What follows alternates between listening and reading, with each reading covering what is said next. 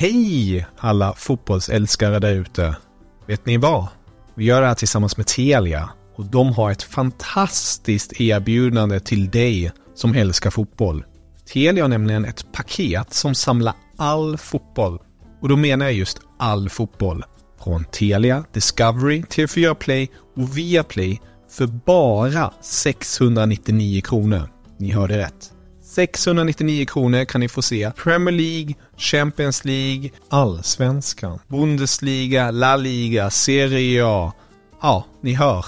De underbaraste och största ligorna där ute och även här på hemmaplan med Allsvenskan.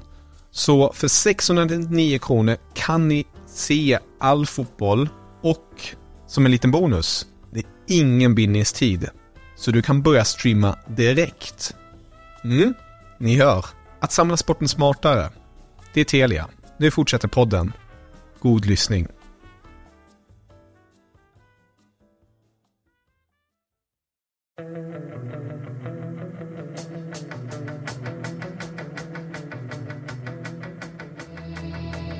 Fotbollskanalen on tour lördag. Dagen för eh, sista dagen för Janne Andersson. Sista natten med gänget eh, Sverige-Estland. Vi får se hur festligt det blir. Eh, eh, det som gäller är ju att det är en 15 minuters öppen träning. Sen är det presskonferens med Janne Andersson, Victor Nilsson Lindelöf och sen är det en mixad Zoom med ett par spelare till. Och det är lördagen. Eh, du var ju på plats under fredagen Martin. Du fick täcka upp när jag satt på flyget hem från Baku. Ja, Ja, det, det hände väl en hel del faktiskt. Eh, framförallt i, i truppen då ska det sägas. Eh, Jan Andersson hade ju hopp om Ludvig Augustinsson och Emil Holm att han skulle kunna ansluta till truppen här efter Azerbajdzjanresan. Och eh, Augustinsson har anslutit nu vilket gör att eh, Niklas Hult som kallas in som reserv, han har lämnat. Emil Holm kommer inte ansluta till truppen så han missar matchen mot Estland. Eh, Kalle Stafelt eh, är eh, sjuk och missade mixade zonen och rehabträningen på Friends. Så att ja, det har hänt lite i, i truppen helt enkelt. Ja och eh, Sundberg, vi var ju inne på i fredagens podd att vi tyckte att de skulle slanta tillbaka lite till supportarna som flugit in och den fick ju lite vingar. Jag gissar att det var från Knorring som lyfte in frågan. Nej, jag, jag, kände att det blev lite för mycket eh, att eh, ställa frågan själv om någonting som man har tyckt någonting om i en podd. Men eh, kvällstidningarna var ju inte sena på att hoppa på det tåget. Så de, det var Expressen, Linus Pettersson, som frågade om det och spelarna nappade. Kulusevski och Quaison tyckte båda att det var en, en bra idé och Dejan ville gärna ha en diskussion med supportrarna och höra vad, vad de skulle kunna tänka sig vilja ha av, av spelarna. Och Olof, du har väl koll på exakt vad de tjänar den här samlingen? Ah, nej, men de har ju, numera är ju avtalen offentliga så att eh, de har ju 6000 kronor för en samling. Det vill säga att alla 25, om det är 25 spelare så är det ungefär 150 000 kronor. Skulle de dessutom slå Estland så får de 4 000 till per gubbe. Det vill säga att då är det plötsligt en kvarts miljon som, och, och jag menar, säg att det var 50 supportrar, ja men då är det ju nästan 5 000 per man det hade ju ändå varit någonting. Det kostade säkert mer att ta sig dit men det hade ändå varit en jävligt schysst gest. Eh, sen kan man säga att det var synd om de inte slog Kazakstan för då fanns det 10, eller eh, Azerbajdzjan, jag blandar ihop det. fanns det 10 000 i prispremie men då hade du å andra sidan inte behövt betala någonting. Men äh, jag vet inte vad kutym är. Det är väl mer i klubblag man gör sånt. Vad känner du Sundberg? Är det rätt eller fel? Ja, när man, eh, om jag får 10% på det eftersom vi tog upp det här förslaget igår så känns det väl rätt alltihop tycker jag. Ja, några 10% ska du inte ha eh, Sundberg. Eh, men eh, jag, jag, på något sätt hade jag gillat gesten. Jag gillar ju det. Det var även ett fint klipp på Emil Forsberg när han eh, lämnade över sin tröja till Lisen som ju varit med i en del intervjuer bland annat Kristoffer Bergströms eh, eh, text om de två som dog och den som blev skadad som var väldigt fin i, i Sportbladet och Emil Forsberg lämnade över sin tröja. Hon var ju väldigt glad för det. Så Det är kanske så att de inte vill ha någonting men just eftersom spelaren själv tyckte att det var en sån usel eh, insats. Hur var snacket idag eh, kring matchen? Nej, de hade ju som vi var inne på i gårdagens avsnitt då, de hade ju kommit i säng runt 05.30 eh, på sitt hotell här i Stockholm. Och ja, Dejan Kulusevski sa ju det att dels kan man inte sova efter en match oavsett som spelare, vilket flera intygade och han sa att han hade inte sovit överhuvudtaget på flygplanet. Eh, så att eh, det blev ju bara några timmars sömn för dem mellan 06 och eh, ja, vad det nu kan ha varit. Och sen, nej, äh, det satt ju kvar i dem och de, äh, de skämdes ju och ja, Robin Quaison talar om att eh, den här typen av match, det ska man inte analysera, det ska man bara lägga i papperskorgen och så göra det bättre på söndag. Och alla talar om att det här, är liksom, det här måste vi ta som bensin inför Estlandsmatchen, vi ska avsluta snyggt. Och, eh, finns en revansch och eh, ja, hela den eh, biten. Och det tror jag nog ändå, om vi nu liksom ifrågasatte deras motivation eh, kopplat till Azerbajdzjan-matchen så eh, elitspelaren, det måste du kunna svara på. Men visst fasen, om man gör en sån platt match, då kommer väl den här revanschen in oavsett om det finns något att spela för eller inte eller till, till Estlandsmatchen. Det tror jag att det är större chans att de, äh, att de går in för det nu då än vad det var inför den här förra matchen som de nu, nu förlorar. Jag tror att det kommer bli lite tändvätska för dem. Hur ska man tolka att det inte, det brukar alltid vara så att Peter Wettergren kommer just den efter en match. Att ingen från ledarstaben var, var med i den mixade zonen. Eh, är det kanske inte så kul att prata om helt enkelt? Ja, dels är det väl att han eh, inte pallade säkert eh, efter att gick så som det gick. Sen är det väl kanske att han tycker det är lite svårt att svara kring sin egen framtid. Eh, dels för att han kanske inte vet om han blir kvar på förbundet, vilket Andrea Möllerberg har svarat på, vilket kanske då är halvkänsligt i och med att han, han och Janne eh, liksom tidigare pratat om att de ska följa varandra. Sen kanske det är lite känsligt om det nu stämmer det som Expressen skriver att IFK Norrköping vill ha honom. Kan det då vara att han redan är i dialog med dem och han inte vill eh, svara kring det? Ja, det kan ju vara flera olika anledningar känns det vad var det mer som stack ut från eh, pressträffen för oss som inte var där? Ja, men jag gillar ju Dejan Kulusevski kring eh, alltså den här typen av större frågor. Vad jag frågade honom liksom nu när det har gått. Eh, han är inne på att han kände att de inte hade riktigt en spelidé mot Azerbajdzjan. Han säger att det ligger på oss spelare. Att, vi skulle pressa ibland men vi pressade aldrig. Vi kom aldrig in i press. Och, eh, vi var inte där och, så vidare. Så han, det är inte så att han liksom skyller på Janne men sen när jag då frågar eh, vad, nu när det kom in en ny förbundskapten, vad, vad behövs i den förbundskaptenen och vad behöver ni göra för, för att vända det här? Då är han, han är ju superskarp, han liksom har en analys, han säger vi måste ha en tydlig idé och den ska följas till punkt och pricka. Den ska, vi ska köra in i döden med den, precis som i Tottenham då, att man även om det går trögare, även om resultaten går emot, kör på den fullt ut. Och där kan man väl då någonstans läsa in att han, eh, han tycker att det har blivit för hackigt gissningsvis eh, under de här åren. Att de har lite laborerat lite för mycket och inte riktigt landat i något, eh, något som man verkligen kör på. Han är inne på att han, eh, han vill ha en spel, den spelidén som man körde med första halvlek mot Österrike hemma. Alltså det man gjorde då mot Estland borta och första halvlek.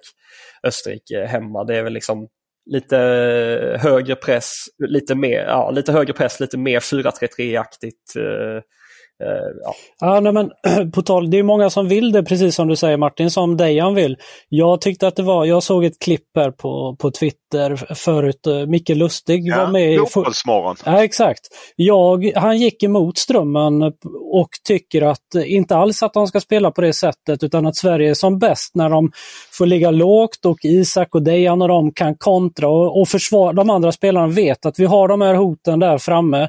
Då har de varit som allra bäst och att det svenska svenska defensiven är inte tillräckligt bra för att spela så offensivt som många nu vill göra då, att de blir utlämnade och väldigt sårbara. Då. Det var oerhört intressant tycker jag. Ja, jag det lustiga är att jag såg det också eh, idag. Jag såg att han var med. De har någon lite längre. Det såg ut mer som någon slags eh, ja, det är lördagar tror. Mm. Och eh, jag såg en långt utdrag av det. Att han just tryckte på att det ställs mycket högre krav. Han menar att Sveriges försvarare kanske inte är av toppklass och det ställs mycket högre krav på försvararna när man spelar så offensivt. För det blir mycket en mot en situationer och liknande. Medan han menade som de spelade tidigare så upplevde han ofta att han fick hjälp antingen framifrån eller liksom så att de hjälpte varandra i block. Och att Han tyckte också att Isak är ju som bäst som en kontringsspelare och att man ändå har det vapnet kvar. Mm. Eh, istället för att spela. Jag tyckte det var väldigt intressant. Men är, är, finns inte ett, ett, stort problem med den tanken att man inte får med sig eh, nyckelspelarna på det? Alltså de, Fast de hur, mycket ska man, ja, hur mycket ska man lyssna på dem? Hur mycket ska de få, få bestämma egentligen, de som spelar? Nej, i, i grunden, en bra ledare får ju förhoppningsvis med spelarna på en idé som han tror på, som, där de också känner att de tror på det. Så det är ju det bästa, att liksom ett bra ledarskap, eh, att man på något sätt får med sig gruppen. Eh, för och det ska, jag ska bara flika in det att, att jag tolkar ändå Dejan Kulusevski som att det är viktigast att det finns en tydlig idé och att mm. man går efter den fullt ut än att man måste spela så som han egentligen vill att man ska spela i den bästa världen. Så att, ja, han var, och han var inne på det här att han tycker att de ibland är lite för snälla mot varandra. Eh, att det ska ställas högre krav, större kravställning. Eh, lite mer eh, ledarfigurer eh, är han inne och touchar på. Att, eh, att han gärna vill se som någon som kan ta tag i det eh, Eh, ordentligt eh, och så vidare. och så vidare. Eh, så att, ja. nej, nej, jag, jag, säger inte att det, de går inte emot varandra fullt ut men jag tyckte det var intressant att höra Mikael Östig, om den ligger ute på sociala medier. Man kan leta upp den. Det är väldigt intressant tycker jag hur han eh, uttalar sig och det är klart att han kan göra det nu lite friare än ett par år sedan han la av i landslaget. Men om, om man går till bara Kulusevski, ett 4-4-2 eh, med Kulusevski på kanten behöver inte vara så eh, dåligt. För då hamnar han ju ändå i alla fall i fler situationer rättvänd. Alltså mot Azerbajdzjan tyckte jag att det blev blir det inte lite för mycket felvänt om han spelar? Eh, ja, jag, jag, jag, är lite inne på Robin Quaison tanken med eh, Azerbajdzjan, den matchen egentligen upplever jag nästan lite meningslös att analysera för att de var så jävla dåliga. Ja, ja, men jag menar, ja, men rent generellt hamnar inte Kulusevski lite för mycket felvänd om han spelar som en av två forwards 4-4-2? Elitspelare, du kan det här bäst. Jo, men lite, det, men jag, eh, det, det, är ju, du kan ju spela, du behöver inte, på det sätt som Micke Lustig menar då, du behöver inte vara så himla tråkig och def, eller liksom destruktiv. För du kollar på Jimmy Tillin och Elfsborg som inte har, jämför du dem med Malmö så har ju inte de Elfsborg har inte haft så stort bollinnehav men de är oerhört snabba i omställningar och, och, eh, och effektiva och, och, och sådär. Och det är väl det är väl en väg som man skulle kunna, eller som hade varit spännande att se eh, hur, Sverige klarar att spela med, med det. Då. Men så som det har varit det senaste, Azerbajdzjan till exempel, så, så har det inte funnits någon tydlig idé utan eh, och jag fattar att de att de söker spelarna efter att få en tydlig idé. Ändå var det ju tydligt att höra Janne efter matchen att han pratade om att han inte spelarna gjorde riktigt vad han vill. Alltså han upplever att de har en idé och han pratade väldigt mycket inför matchen. De är lojala, de ställer upp på det här. Men uppenbarligen när de väl kom ut på plan så gjorde de inte det.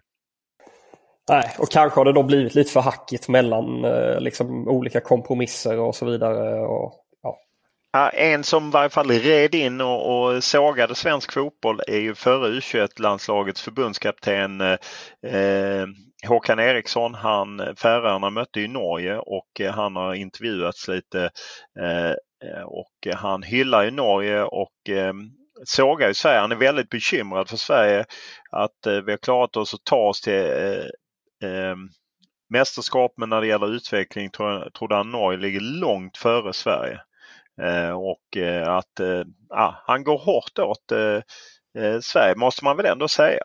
Har, har inte han en del i utvecklingen ändå med tanke på att han var förbundskapten i u för, för många av dem som är i A-landslaget nu, eller några stycken i alla fall. Och, och det han fick kritik för då, Visst, de gjorde resultat och var framgångsrika resultatmässigt, men han fick ju samtidigt kritik för just utveckling eller bristen på utveckling.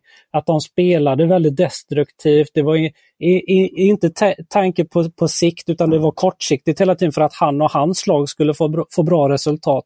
Eller hur ser ni på det? Jo, nej, så var det ju. Samtidigt så kan man ju säga att då det måste ju ändå ge någonting till svensk fotboll att man har två kullar som når de här U21-slutspelen. Jag menar innan var det 2009 då arrangerade Sverige men då vann man 2015 och man var med 2017. det måste ju ge någonting till spelarna också. Sen kanske jag menar jag kommer ihåg efter VM 2018 var det ju en del som ifrågasatte Janne Andersson att han inte heller stod för någon utvecklande fotboll. Det där är ju, är ju svårt för utvecklingen sker väl ändå när spelarna är yngre snarare än eh, möjligtvis kan man säga ett U21-landslag, men även de är ju hyfsat gamla. Eh, att utvecklingen av spelaren sker väl långt tidigare, mer i klubbar och, och, mm. och så, eller? Mm. Jo, kanske. Men Håkan Eriksson har väl en, en eller två yes oplockade med förbundet. Han var, ville ju ha Hamrens jobb och var inte överhuvudtaget aktuell. Mycket också för han höll på med den här inte evidensbaserade metoderna. Jag har glömt vad den han jobbade med hette. Precis så som Pia Sundhage fick kritik för att hon jobbar med Mia Törnblom. Det var inte heller evidensbaserat. HRV-träning. Tror ni, räknar ni ut honom helt från eh, kommande jobbet? Eller? Han kan nog finnas på en bruttolista men jag tror att han jag tror inte han eh, jag tror att han kommer ha svårt att eh, få traction. Alltså liksom när man tar lite referens, han var ändå lite speciell att jobba med. var ju ändå det man, intryck man fick av många tyckte på förbundet. Men eh, ingen går väl kanske att räkna ut. Jag, jag, det är väl det, det, Sveriges stora svårighet tycker jag är ju att det inte finns en, en, två givna kandidater utan att det är rätt öppet fält. Eh, att eh, om vi då inte räknar Graham Potter och det är kanske inte det jobb han vill ta i det här skedet av sin karriär. Jag tror inte pengar, det är som alla säger att han tjänar mycket mer pengar någon annanstans. Det tror jag spelar mindre roll. Jag tror mer det handlar om utmaning och att han inte är redo att släppa klubblagsfotbollen. Men det är bara min tro. Ja, och eh, Sverige lär ju gissningsvis gå in i en sån diskussion med Graham Potter med villkoret att att ska du ta det här jobbet då ska du ta det på lång sikt. Alltså, då måste du stanna här eh, ett antal år. Alltså, det går inte att plocka in Potter och sen så sticka han till Milan efter ett halvår. Liksom. Det, det Nej, det gör det inte. Men jag tror inte man kan... Ja, jag är ju mer så att man kanske inte ska låsa upp sig allt för länge. Det känns som att förbundskaptener överlever max eh, tre cykler eh, med sinnet i behåll på något sätt. Att, men visst, jag, jag förstår vad du menar. Man vill inte ha en situation som i U21 där det liksom när de hoppade av. Eh, de använde på något sätt, kändes det nästan som att de använde U21-landslaget som en landningsplanka för att sedan hoppa vidare till bra, bättre jobb.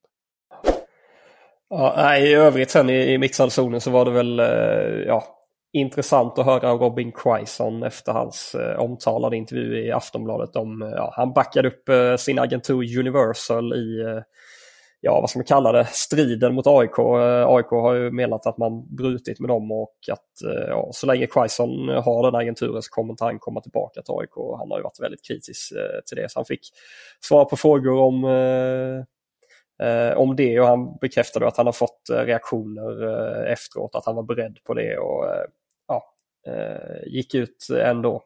sen öppnade han väl för att han kan förhandla på egen hand med AIK och inte behöver någon eh, agent eh, och ja, han vill inte... Ja, nej, det, det, det, tyckte jag var intressant när jag läste det. Att han, var ju, han var ju ändå, även om han stod för sin intervju i Aftonbladet, så tyckte jag ändå att han var lite mjukare i, i denna intervjun. Han på något sätt tog Fredrik Söderbergs lite så. Jag, jag förstår att han gör det som är bra för AIK. Alltså han, han var väldigt mycket mjukare tycker jag. Ja, men för han sa ju då i Aftonbladet-intervjun att han tyckte att AIKs beslut om att bryta med Universal handlar om anklagelser och rykten eller baseras på det. Eh, Eh, men då påtalade jag för honom att eh, det handlar ju om att, eh, att klubben har bedömt att de har varit för beroende av Universal. Det handlar inte om några anklagelser eller rykten eller liksom offentliga handlingar vad gäller liksom eventuella brottsutredningar och skatteutredningar och sådär. Det handlar inte om det. Ehm, så, och då kom man just in på det att ah, nej, men, han gör det som är, är rätt för AIK och så vidare. Och så vidare. Så att, eh, ehm, ja, han eh, var ju också tydlig då med att säga att han inte har sagt att han väljer Universal framför AIK. Så att, eh, eh, ja, lite kanske försöker han mjukna upp läget inför hans utgående avtal här med Al Etifak i sommar. Ja, det är åtta månader kvar som man har något annan som det har stormat lite, eller i varje fall klubben Napoli, Jens Kajust. Han vill inte riktigt fördjupa sig i tränarbytet där eh, Rudi Garcia åkte ut och eh, Walter Massari, gamle Napoli-tränaren, kom tillbaka.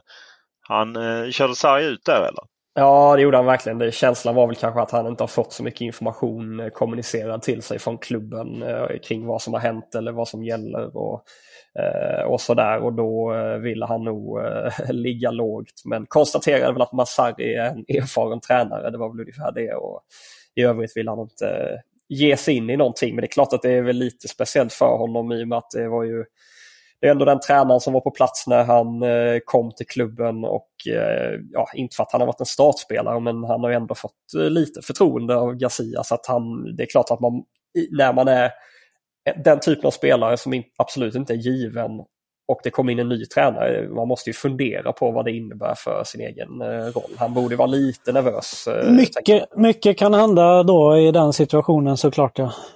Ja, nej, det är klart att det är lite. De, det känns som alla har lärt sig det nu också att man vill veta.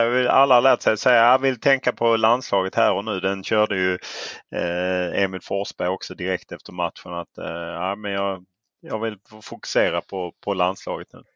Ja, eh, lite kul klackis där är ju att Jens Kajust, jag vet inte om ni har tänkt på det, men från Belgien-matchen, det var ju såklart inte det man hade fokus på då, men han spelade ju med det numret i, igår, äh, i förrgår också. Han spelar ju i nummer nio nu. det, var, det skakade om, måste jag säga, när jag såg det. Ja, han hävdar att han inte har varit inblandad i det överhuvudtaget. Han hade bara fått en eh, lagd i omklädningsrummet till sig och ja, skiter i numret helt enkelt. Uh, han...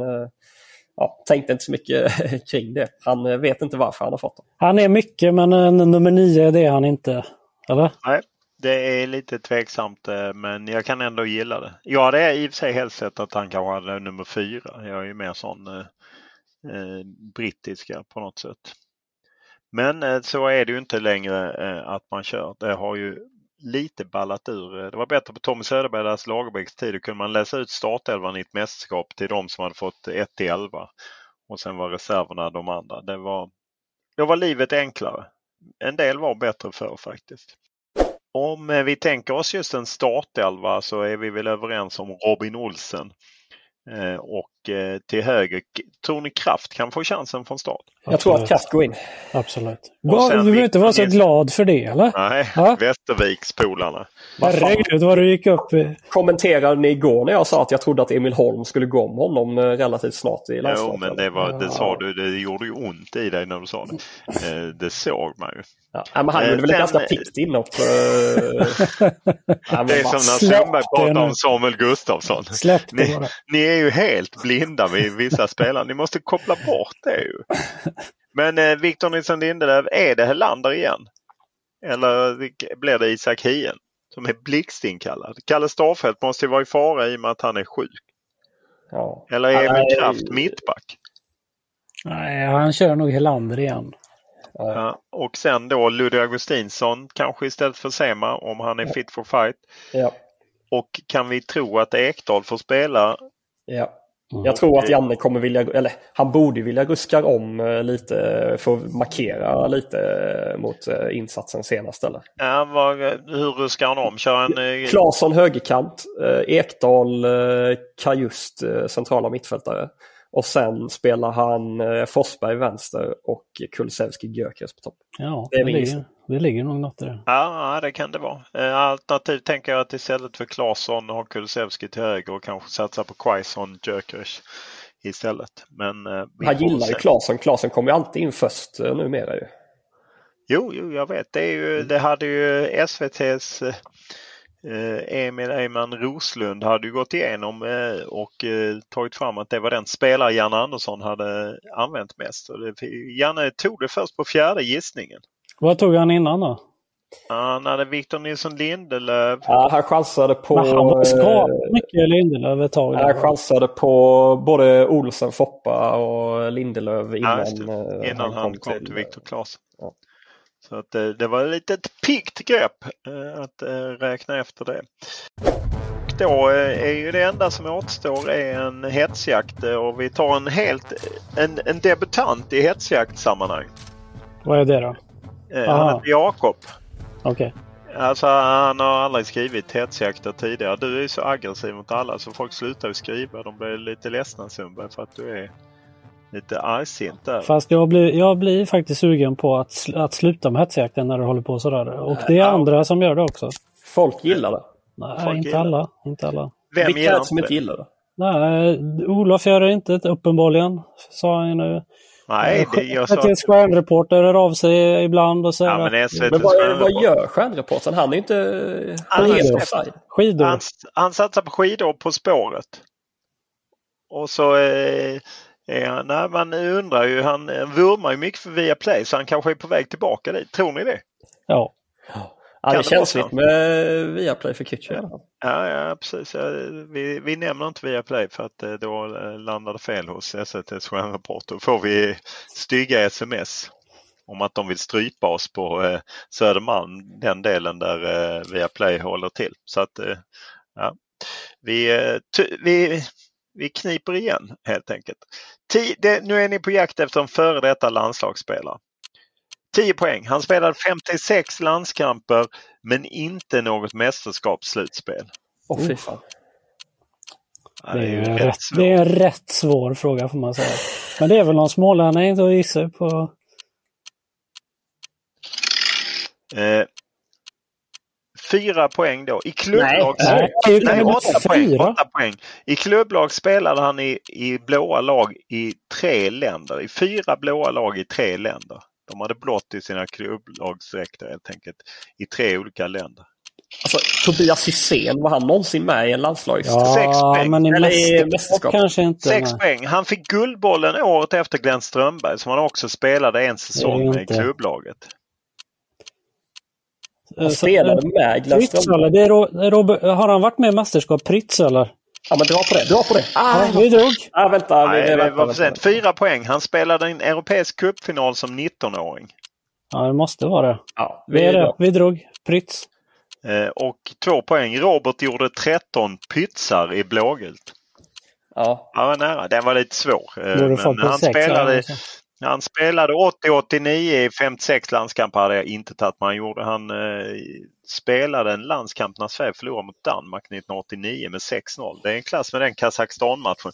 Efter det tog inte Olle Nordin med honom i landslaget så han brände VM. eh, Men att 90. du, att du försökte trolla bort oss från 10 poäng till 4 var ju helt sjukt. Ja, ja, det var sjukt. Jag råkade säga fel därför att jag läste fel tre.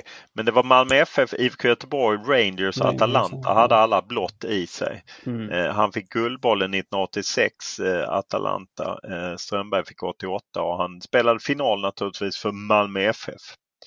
Ja, ja men det var ändå fyra poäng är ju jättebra. Har du studs i stegen Olof? Nu när du tar ut mot Friends Arena? Eh, jag har studs i stegen. Eh, ska jag bara träna lite innan på förmiddagen och sen så är det ut och eh, gnugga på. Så- Saknar du Bakus skyline? Ja, saknar man ju alltid lite men det var... Röken då? ja, röken saknade jag däremot inte och framförallt inte taxichaufförerna vi åkte med som körde. Det var inga säkerhetsbälten och det kändes som att de försökte kvala in i Formel 1-loppet. Ja, helvete, det var galet. Eh, Kebaben då? ja, kebaben eh, ömsom vin, ömsom vatten får man nog ändå säga. Den bäst var den på vårt hotell men eh, Har du någonsin var- rökt i ditt liv Olof? Nej, i princip inte. Ja, när jag var ung och förvirrad så rökte jag ett tag men jag kunde inte röka för att jag blev alltid mer, jag blev mer bakis av att röka så att jag slutade. Det är jag jävligt tacksam för. Mycket, ja, men mycket stark sås på din kebab gissar jag. Ja, mycket stark sås och mycket sådana feferoni. Jag får även eh, Talans. Feferoni Ja, för han, ju, han, han vill ju helst bara ha falukorvsstuvade makaroner och ingen eh, krydda. Hur Men gick han fick sin väskan? väska. Ja, Den kom, den kom till hotellet efter midnatt eh, i Alltså i torsdag. Så efter matchen så kom väskan dit. Vem och- pröjsade för det? Lufthansa? Ja, ja, ja, ja, de, ja, det får ju faktiskt de göra. Men ja, han var ja, väldigt glad att han att det var inte... en onödig utgift för Lufthansa. Man Ja, men han var glad att han inte begärde att han skulle hämta den innan vi flög. För att så hade bilburens Joel Marklund gjort och när han kom ut till flygplatsen var det jävligt bökigt att komma in där där man skulle hämta väskan. Behövde gå igenom säkerhetskontrollen så det tog över en timme. Så hade vi behövt lämna vårt hotell igår vid femtiden. Så jag är väldigt tacksam över att vi, vi slapp det för att eh, det var en eh, lång dag oavsett. Martin, visst skulle man vilja se Olof Baku skyline bakom, rök, röka och käka stark kebab. Ja, ja, rökning är det enda som inte hade varit aktuellt. Eh, Det är inte för mig, sig. Det är mer för er. Sundberg är en rökare. Jag tror av er två så är det Sundberg som röker, eller hur Sundberg? Nej. Du feströker? Du kan feströka Sundberg. Ah, Sundberg, där är du inte svårlockad. Man Nej. ser utanför Addevalls klubbstuga med en 70 bumsing i näven. och en cigg. Och Karl-Erik. Tjena Karl-Erik. Avsluta denna. Ja.